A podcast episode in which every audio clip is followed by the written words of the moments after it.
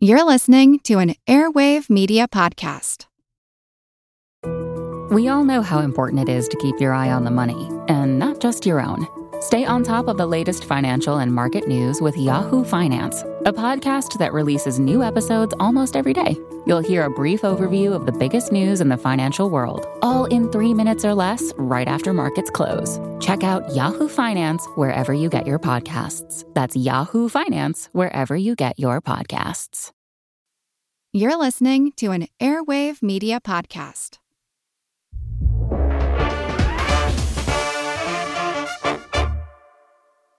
Hey there, it's Krista Simmons, host of the Fork in the Road podcast, where every Friday I'm chatting with hospitality visionaries about big ideas in the world of food. I've written, produced, and directed in the culinary space for almost 15 years now, and I have to say, the best part of my job, aside from the food, of course, is all of the characters I've met along the way. And honestly, I'm just really excited for you guys to meet them too.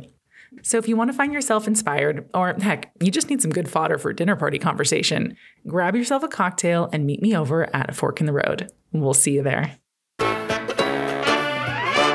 Why is democracy so threatened in America and around the world? And what can we do about it? Ben Rhodes, a former White House aide and close confidant to President Barack Obama and the author of The World as It Is, travels the globe in a deeply personal, beautifully observed quest for answers. In his new book, After the Fall Being American in the World We've Made. And today, Ben returns to the podcast to discuss what it was like to go from being the ultimate White House insider to reporting on world events from the outside. He talks about his conversation with the now imprisoned Russian activist Alexei Navalny, what he learned from the Hong Kong protesters, and how Hungarian strongman Viktor Orban quickly consolidated power and rolled back post Soviet freedoms.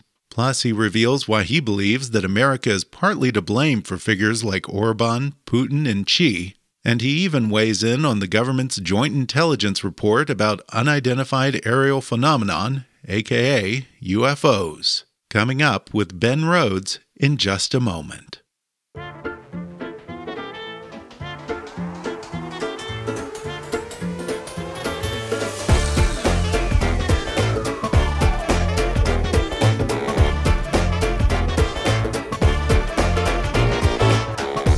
Ben Rhodes is co host of Pod Save the World, a contributor for NBC News and MSNBC a founding co chair of National Security Action, and an advisor to former President Barack Obama.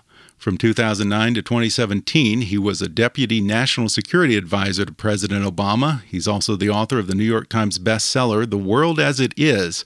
And now he's out with his latest book, After the Fall Being American in the World We've Made. Ben, welcome back to the podcast. Thanks. It's been it's been a while, you know. Certainly has. Certainly has. The world has changed quite a bit since then. Yes, yeah. but yeah. it always does. The last time we talked about your previous book, The World as It Is, which was a little bit more of a memoir than this book, although there is a certain memoir aspect to it. The previous book sort of revolved around the pull between Ben Rhodes, the idealist who wanted to change the world, and the practical constraints of the office of the president and the realities of how the world works. But there was a little bit of coming down to earth in that book. And I wonder if it's been even more so for you over the past four years here.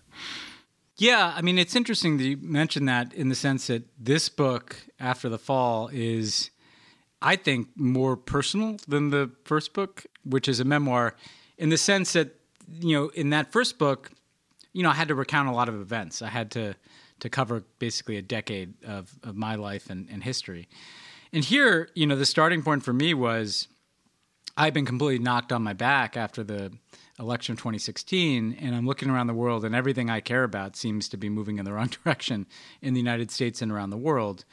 And I had to find a way into addressing that. Um, and for me, it became travel, and I became meeting people in other places that are wrestling with these issues of democracy versus authoritarianism.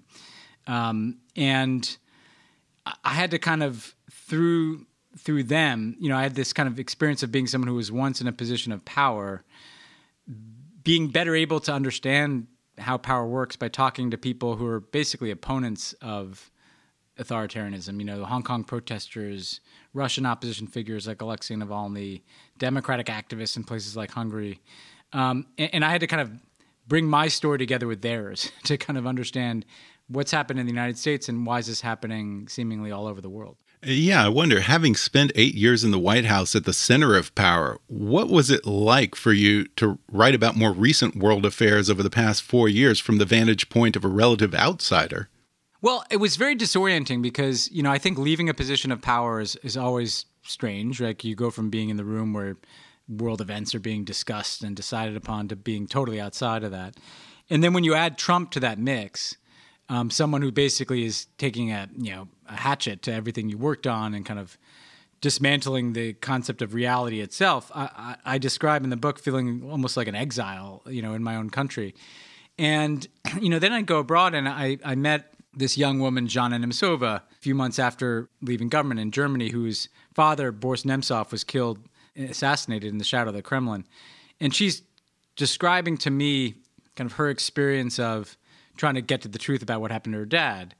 And in so doing, is just kind of telling me her story. And on the one hand, I felt this incredible letdown of like I can't really do that much um, for this person. But then I realized, well, what I can do is I can, I can really hear her story, get inside of it, tell her story in a book like this, um, and also begin to understand what's been happening in Russia through her story. And then and then I met a Hungarian activist around that same time, maybe a little later, who, you know, I said to him, How did you guys go from being a democracy to an autocracy in like a decade? And he said, Well, it's simple. Viktor Orban, our prime minister, got elected in a right wing populist backlash to the financial crisis.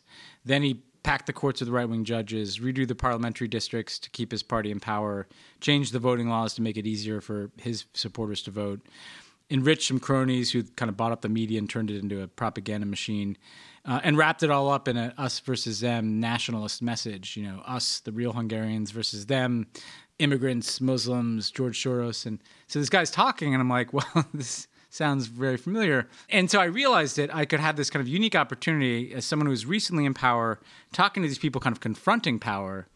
And through them, understand better what was happening in my own country and the world, and that that to me felt like a very you know, what do I know from having been in government, and what do these people know from having lived these issues? And if I mix those together, which is essentially what this book is, you know, can can we make some more sense of this um, and why it's happening and what we can do about it? Yeah, the progression of events in Hungary sounds chillingly familiar. Is that why you chose to focus on Hungary as the first country you describe in this book? It is because the other I, I look at Hungary, then Russia, then China, then America, and you know, early on, I think my my editor was like, "Well, Hungary's like you know eccentric choice," and I'm like, "No, no, the Hungary section is is really about America because." The exact same thing has happened um, with a kind of a party moving to the far right and using you know its access to democratic institutions to kind of hack them and turn them into institutions of autocracy um, and and it traced my experience very acutely too, because what I found there is how much the financial crisis in 2008 was kind of a starting point of this process. Because in a place like Hungary, that was pretty recently a democracy after the Cold War, the financial crisis really just collapsed their confidence in the whole system. You know, American-led globalization. Like what I heard time and again, I told each of the people I talked to in the Hungary section, just tell me your story of like the last, you know, what's happened in your life, and each of them uh, identified this idea that people were already feeling disoriented by globalization. Their identities were feeling like they were being washed away. Then this dr- drastic thing happens where the bottom falls out, and suddenly nobody trusts anything anymore. They don't trust the system. And the system looks unequal and corrupted. And a guy like Orban comes along and says, Well, I can't necessarily solve all these problems, these economic problems, but I can offer you the most traditional identity that has always existed, which is nationalism, um, and kind of tap into these undercurrents of history um, between the left and the right that had been unresolved, um, and then build a machine that essentially could sustain itself with that nationalist message. And I trace in the chapter like what Orban did in creating this kind of grassroots movement that connected to top down power was very similar to the Tea Party in the United States, where you have this kind of grassroots anger at a lot of things. At the financial crisis, I think, frankly, a, a black president being elected, and and powerful people kind of took that anger and just you know melded it into a political movement that be, gradually became Donald Trump. You know, um, and so I think we were on kind of parallel tracks with Hungary uh, this last decade. Uh, yeah, there's a, a, great quote in here. I, I think that Barack Obama at some point said to you, Trump is for a lot of white people what OJ's acquittal was for a lot of black folks. You know it's wrong, but it feels good. yeah, I mean, and Obama, like, you know, his voice pops in and out of this book. Um, he's kind of a character in the book and you know, like he was just trying to make sense of this like the rest of us you know like you're just grasping for theories to explain this. And i that is it was kind of a, a glib comment but there was there was this kind of underlying truth in it that like you know you look at the phenomenon of trump and, and i've constantly looked at these polling numbers where like you know a majority of white people were on board with this project. Um, i think there's some truth in that. Like you, you, trump was kind of a guilty pleasure like where you know, you know he's not fixing things, but he's speaking to to some grievance that you have. And I described the experience of meeting a Trump supporter and you know, she just kind of willfully had entered into this alternative reality because it again, it didn't fix her economic cir- circumstance, but I think it made her feel like you know, at least there was someone angry on her behalf, you know, someone taking on power on her behalf. And, and, and that, you know, that's a very powerful force and it's something that that people like Putin and Orban and Trump all have in common. Yeah, to go back to Hungary, uh, one of the activists that you spoke with actually pointed out that Viktor Orban's authoritarian rule is not the aberration, it's the norm. And it's this brief 10 years of liberal democracy in Hungary that was the exception to the rule. I mean, that certainly doesn't bode well for Hungary, but I'm curious to learn how much of the world fits into that same ominous profile, where it's democracy that's the experiment here. Yeah, I mean, so Ben, how old are you? 1974. So I, re- I, remember the Cold War and the fall of the, the Berlin Wall and all that. In fact, I was in Moscow, I think, two months before the coup to overthrow Gorbachev when I was on a people to people trip. I, I raised that because you know, I re- wrestled in writing this book with the realization that as someone born in 1977, my first kind of glimmers of political consciousness were the fall of the Berlin Wall and the end of the Cold War. And it just felt like, you know, history's got this inevitability to it that the norm is democracy, that that's what wins, that the, the political stories have happy endings, um, geopolitical stories have happy endings. You know, Nelson Mandela walks out of prison, the Soviet Union collapses, places like Hungary become democracies. And in talking to this guy in Hungary, you know, what he told me is that one of the interesting things is that after the fall of the Berlin Wall, they didn't really address all this history. You know that that people in Hungary had been on both sides of such huge conflicts, and they'd also been this smaller country caught up in them. And so you had people who had kind of sided with the Nazis during World War II, then people who'd sided with the communists through their repressive rule, and and nobody really reckoned with that, and nobody really figured out like, well, what does it mean to be Hungarian? What, how do we merge together our national identity with this kind of new democracy we have? And he made this point that if you think about it, um, most of human history is about nationalism and conflict and tribalism, and and and that's not some new thing that just popped up in recent years. The the strange period was this period after World War II where the history is moving in a different direction. Another guy who's kind of a, maybe a little younger than us, um, quoted this great phrase to me. He called it uh, an elongated reason cycle. You know that um, he said, "Look, you know." After World War II, there was such shock at the scale of death and destruction and the Holocaust that it kind of sobered nations up to, hey, we better kind of create some international institutions and rules and norms so we don't do that again, you know. Um, and you know, it's not like the Cold War was perfect by any stretch, um, but there was this kind of disciplining factor on the world.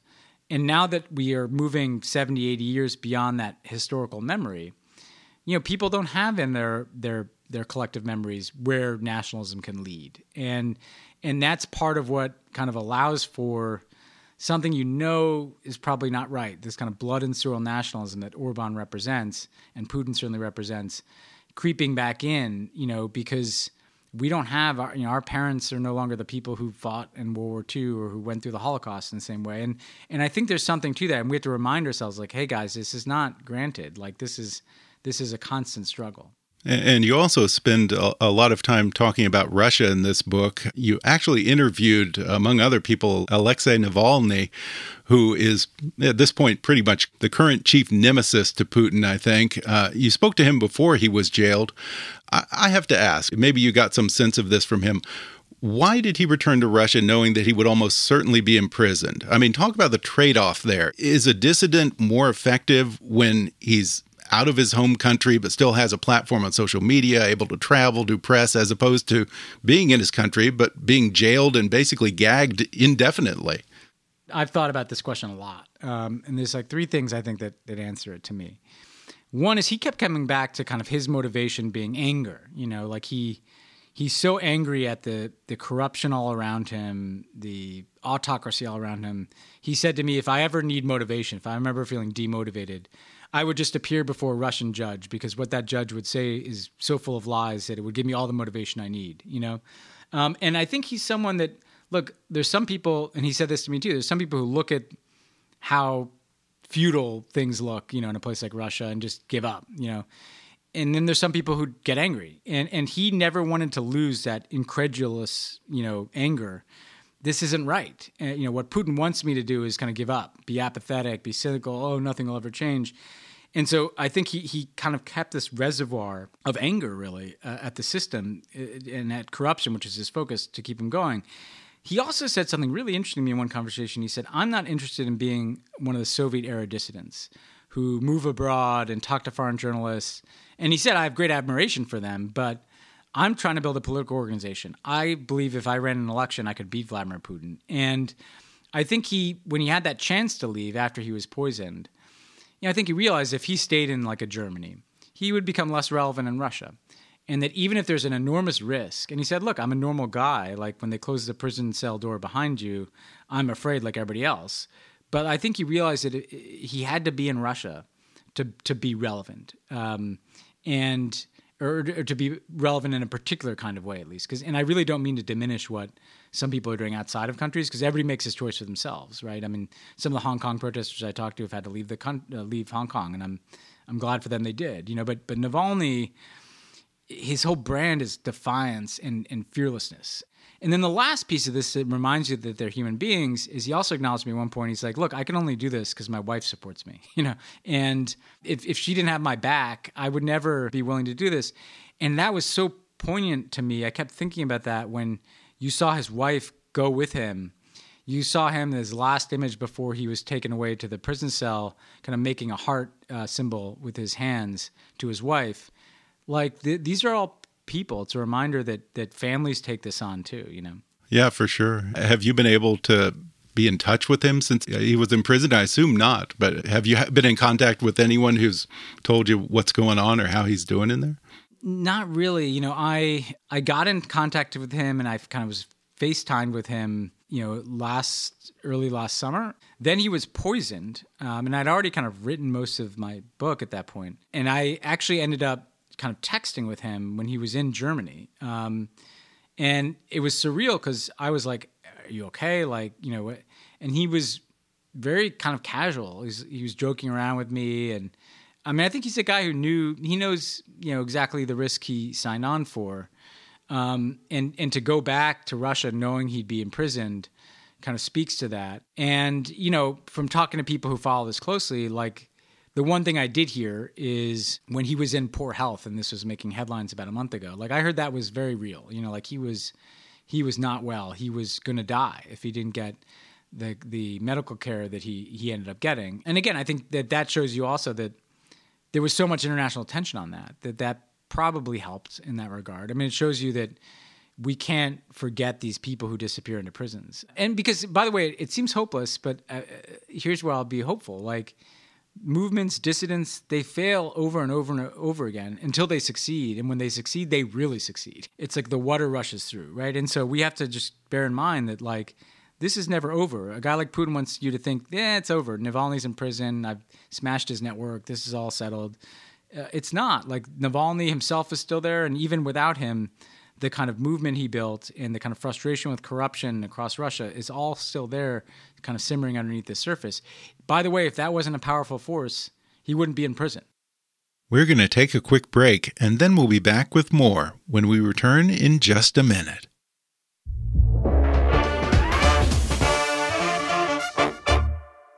Hey, this is Mark Bittman. You might know me from How to Cook Everything or the New York Times or the Bittman Project.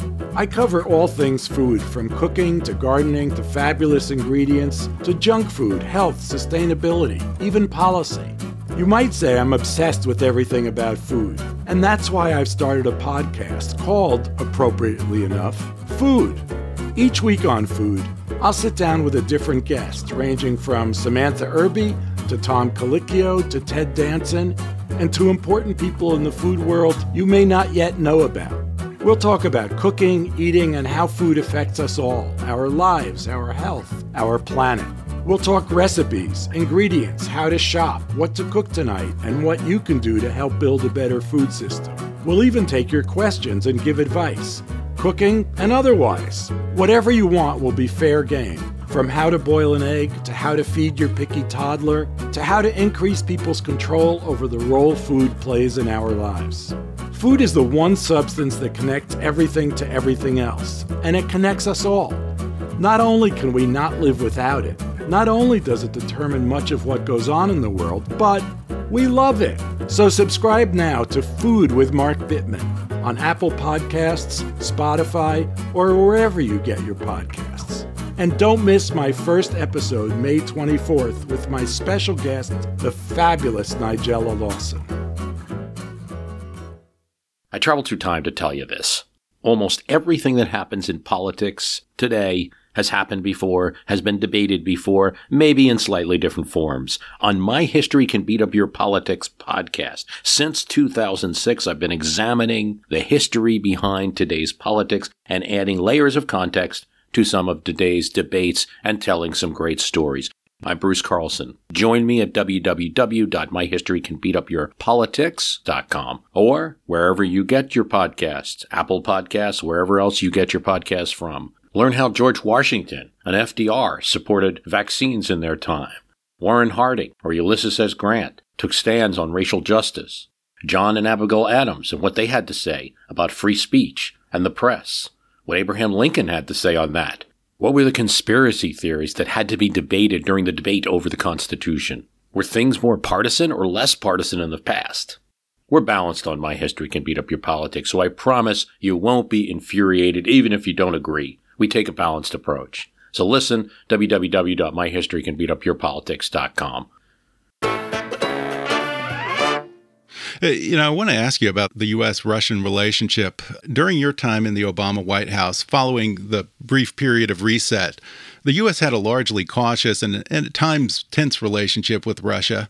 That was now followed by a friendly or at least passive relationship with Russia under Donald Trump, the motives of which we'll perhaps never know, but we can speculate on. But now that President Biden is sort of restoring that more cautious approach. Do you think Vladimir Putin sees that as simply returning to the norm, or is that ratcheting everything up now in the sense that maybe he views it as not not going back to the norm, but suddenly it's more adversarial and hostile?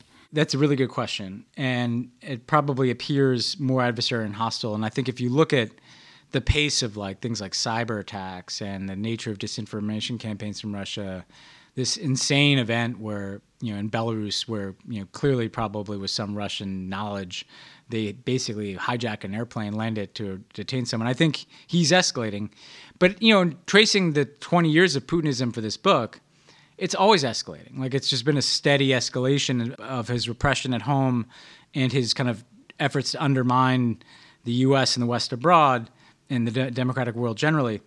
I think where I landed in terms of what can be done differently, including like what what could we have done differently in the Obama years, because we obviously didn't curtail this um, at least nearly as much as as I would have liked. Like one is what Putin really focuses on is is what's happening in America. Like uh, I describe it in the book as him trying to turn America into what he wants us to be, which is a divided, you know, society consumed by racism and and, and political divisions. I mean his disinformation campaigns, even some of the cyber activity, I think is designed to kind of turn us against one another, uh, discredit democracy itself as an alternative. Navalny said to me, look, Putin doesn't need to prove that his model's right. He just needs to prove that all the models are corrupted. So you might as well have your own strongman, you know? Right. He's a little bit like Batman's the Joker. It's it just seems like there's no particular strategy other than to just wreak havoc and sow confusion everywhere he can. That's right. And so that means like what do you do differently? I mean, we have to to tend to our own democracy and there's a lot of ways to do that. Um, but we have to tend to this other policy things that you can do, like social media. He's basically like, oh, you guys have created these algorithms through Facebook and Google and, and Twitter that I can just wreak havoc with, you know, and just flood them with insane conspiracy theories. And if you think for a minute that that Russian disinformation hasn't played a part in turbocharging not just pro-Trump stuff, but QAnon and other things, of course, he all he has to do is juice the algorithm um, to drive us crazier and crazier, you know. And so we need a policy that regulates this. And, and I know it's complicated, but you know, look at Trump. Like he just got kicked off Facebook and Twitter, started a blog. Nobody went to it. I mean, it, that that kind of puts the lie to this idea that people are shopping around for Trump. No, they're getting mainline this stuff by social media companies because the social media companies know that that will trigger people, that will create more engagement, and and then we're off to the races here. And so that needs a policy response. And then in terms of dealing with Putin, one of the things that started to be an idea at the very end of the Obama administration, and we didn't get to do it, is exposing Putin's corruption. And because corruption is the vulnerability in the system, and that's all Navalny really did is just relentlessly expose corruption. Like his last movie that he put out before he was thrown in prison was about Vladimir Putin's house, which is like the most expensive, lavish castle, palace, whatever you want to call it in the world. And that, you know, Putin clearly that hits at his third rail. That hits at his most sensitive nerve. Well, I'm willing to wager the U.S. government has a lot of information on on kind of what what that's like. It could put that out, you know, just like lay it on the table. Vladimir Putin wants to have a debate about which which model is better. Look at what happens when this gets so corrupted. So there there are different things to do, but I, I also get that like, you know, you don't want to back into a war with Russia. But I think we have to recognize he's basically already been fighting a kind of asymmetric war. Um, as one one of the Russians I talked to for the book called it a war without violence, which is actually a very interesting um, way of calibrating it. You touched on something that I want to get into in that question. One of the main points that you make in this book, you say in here that, quote, the invasion of Iraq introduced a destabilizing new normal to global politics, and that we sort of set, a set a precedent in that, quote, as you say, the laws and norms were for the weak and the strong could do anything that they want. Is it your belief that the U.S., if not created the situation, at least set the stage for the rise of strongmen like Putin, Orban, Xi? I think we absolutely have to to recognize and acknowledge and wrestle with the fact that we contributed to this. And we like to look at Russia and China and say, look at those guys. They don't abide by any norms. They're willing to break international laws. They're willing to ignore international condemnation.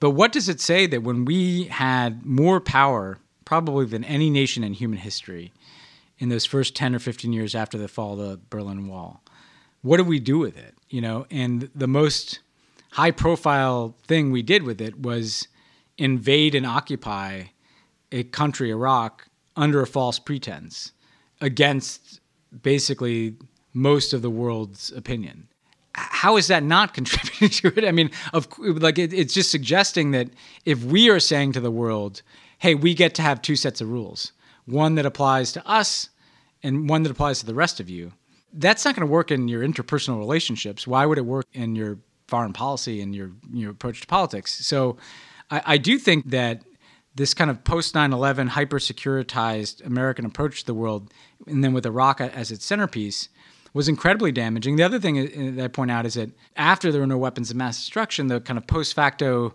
justification for the Iraq war was democracy. Oh, actually, we're trying to bring democracy to Iraq. And that was incredibly damaging to our ability to talk about democracy around the world because it just sounds like it's it sounded like democracy became seen as totally tied up with the wars in Afghanistan and Iraq, you know, and then even uh, under Obama and Libya like the this this was incredibly corrosive to our capacity to go to like say Hong Kong and talk about democracy. So uh, again, I, I think you know part of what I want to challenge us as Americans to do with this book is like to recognize that hey, we just had 30 years where we were by far the most influential country, and this is the outcome of that.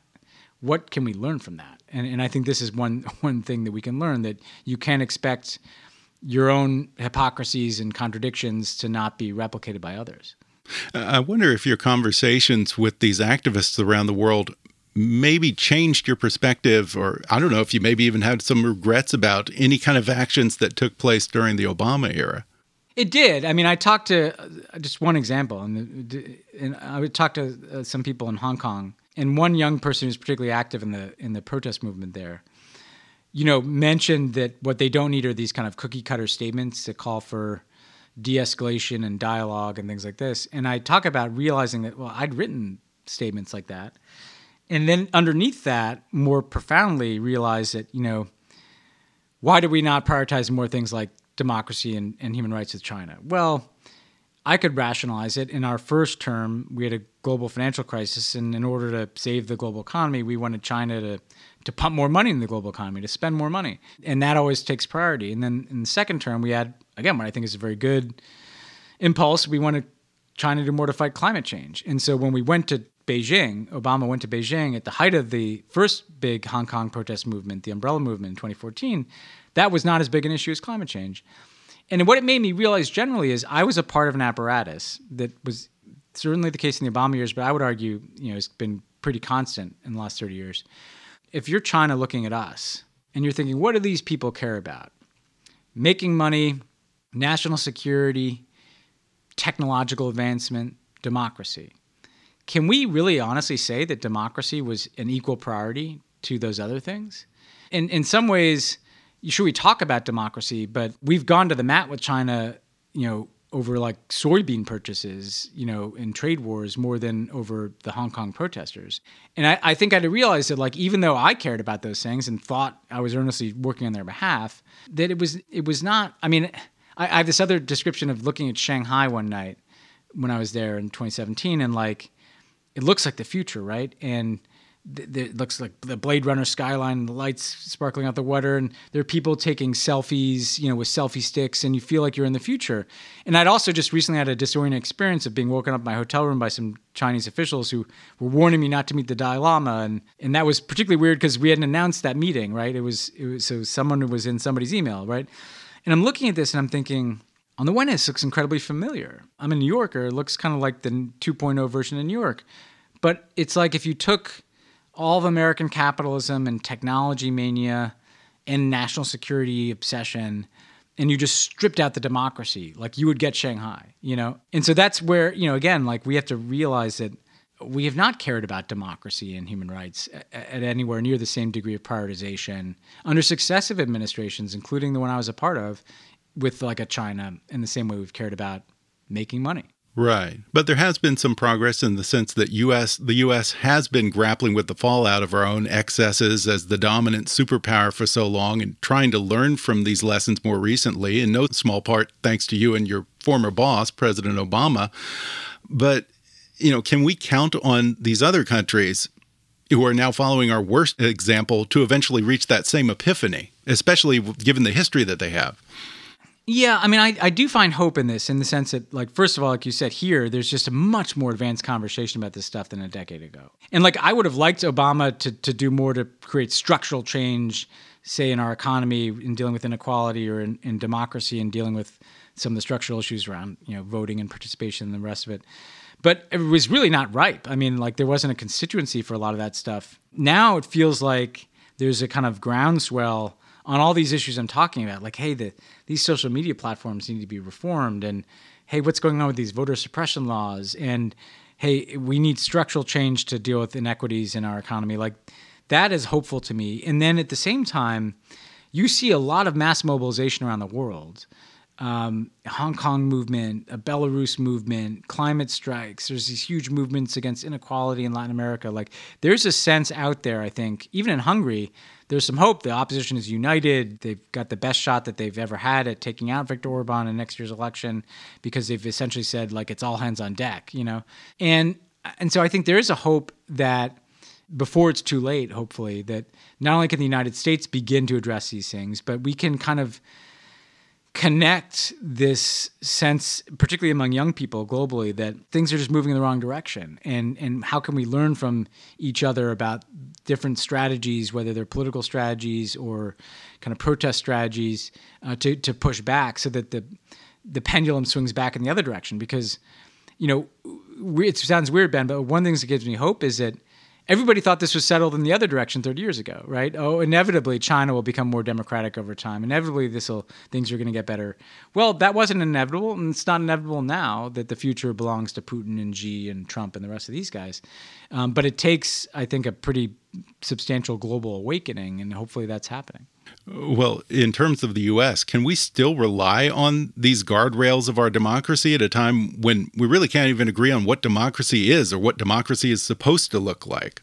We can't. Uh, I think we learned in the Trump years that the guardrails, you know, uh, that uh, to use a like the wonky word, but uh, so much of our democracy depended on norms as much as kind of firm guardrails. Like you know, nobody. Um, I mean, the first time I remember thinking about this was before Trump even took office, like there actually weren't laws about preventing someone from seeking foreign interference in an election because just nobody assumed that someone would do that, you know?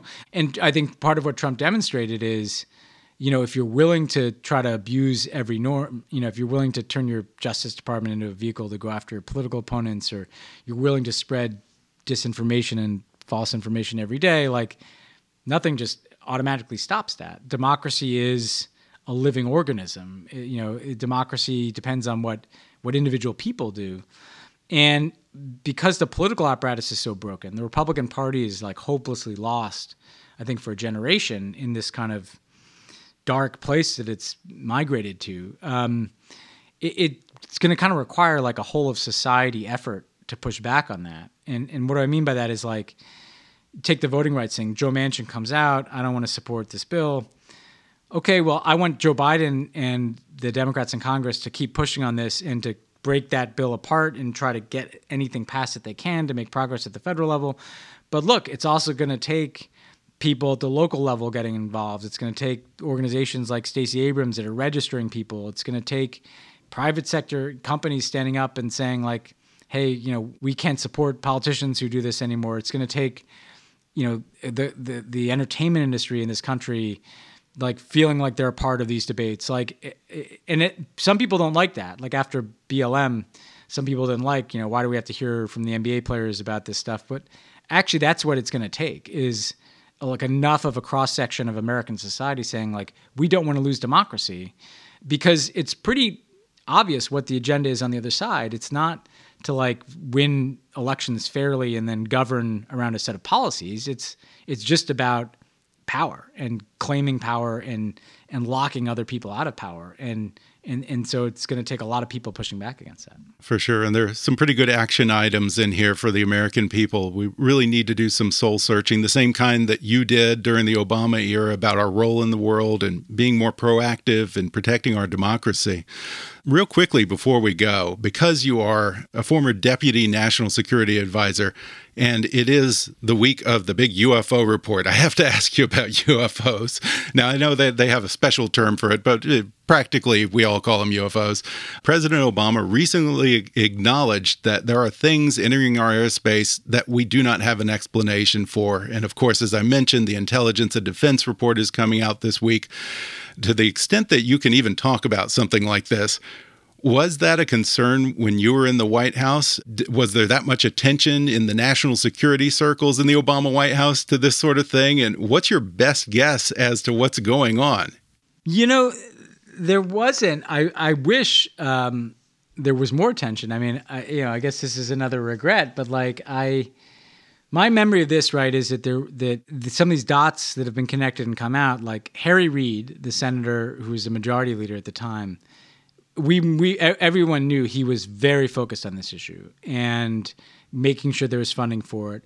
And you did start to hear some of these reports of just kind of things that didn't make sense in terms of things that had been witnessed by pilots. Um, but it was still this kind of eccentric thing, you know, like I, I, because it could have been explained by any number of other things, and um, so there was an eccentricity to it. And and by the way, also to make a serious point about this, like the U.S. government is really good at finding things that it goes out to look for in the sense that we've spent trillions of dollars kind of finding the threat of terrorism like and, and I, I, describe in the in the book like getting these intelligence reports about like the minutia of terrorist threats in obscure countries but if you go to the intelligence community and say hey here's like hundreds of billions of dollars come back to us with the terrorist threats like you get that there had never been um, until harry reid really kind of focused on this a concerted effort to say hey there should be some place in the us government that is just trying to figure out are there ufos you know and and I actually think that's like given the the societal consequences of that discovery, like that's worth some investment. I mean, you have to be careful, right? Because people need food on the table. Like, so I'm glad that there are people, because in, in, a methodical way, putting this together. So it's not just like, hey, we saw some videos that seem weird. It's like, no, wait a second, like top to bottom, soup to nuts. Like, what are we seeing with these phenomena? What are threads that we can pull on this? and I think I think Ben, we're at the beginning of this process, um, not the end. The, the, you know, there's something out there that we don't understand, and we have to figure out how we can understand it better. And, and, there are many people who speculate that it may not be from outer space at all; that these may be coming from our adversaries, Russia or China, and they have some kind of hypersonic technology that we don't have yet or don't understand yet. I wonder which would concern you more that someone from outer space whose intentions we really don't know is visiting the Earth, or that you know our hostile adversaries who we know their intentions may have this kind of technology? That's a good question. I mean it is certainly the case that like russia in particular because they can't match our defense budget and, and, and this is the same thing to a lesser extent with china they invest in kind of eccentric things you know like new systems. They're trying to kind of beat kind of hack us like not just literally hack us but like what's the way around the uh, kind of we, we can't win a conventional war with America. So we're just going to invest in everything from new ways of delivering nuclear weapons and new ways of spying on you.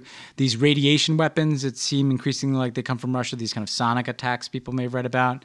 Um, this is kind of the game with them, which is concerning because they're basically figuring out how to puncture your defenses. That said, I mean, at the end of the day, we at least know what that is. you know, like like I, I I you know I've seen enough disaster movies with the aliens where it's like when they make a decision if that they're they're that superior, they um, want to do something to kind of extract all your resources. Like they'll do that. I guess the hopeful thing might be is if someone has had the capacity, some some being, to do this. And they haven't destroyed us yet, then maybe their yeah. intentions are, are, better, and they're just kind of studying our habits and stuff. So I'm going to go with uh, like uh, the, the, the alien scenarios are, are scarier, but also more hopeful too. You know. Hopefully, we shall see. Well, it's great talking to you again, Ben. Uh, once again, Ben's book is After the Fall Being American in the World We've Made. And of course, go and subscribe to his podcast, Pod Save the World. Ben Rhodes, thanks for talking with me. Thanks, Ben. It was great. Thanks again to Ben Rhodes for coming on the show. Order After the Fall Being American in the World We've Made on Amazon, Audible, or wherever books are sold. Subscribe to Ben's podcast, Pod Save the World, wherever you like to listen, and follow him on Twitter at, at B Rhodes. That's B R H O D E S. If you enjoyed today's episode, then subscribe and give us a five star rating on Apple Podcasts. Detailed reviews are the best way for new listeners to discover the show. Follow us on Facebook at, at KickassNewsPod and email me with your comments, questions, and suggestions at comments at kickassnews.com. Kickass News is a part of the Airwave Media Podcast Network. Visit airwavemedia.com and check out some of our other shows like Food with Mark Bittman movie therapy, investing for beginners, my history can beat up your politics, and many others. For now, though, I'm Ben Mathis, and thanks for listening to Kick Ass News.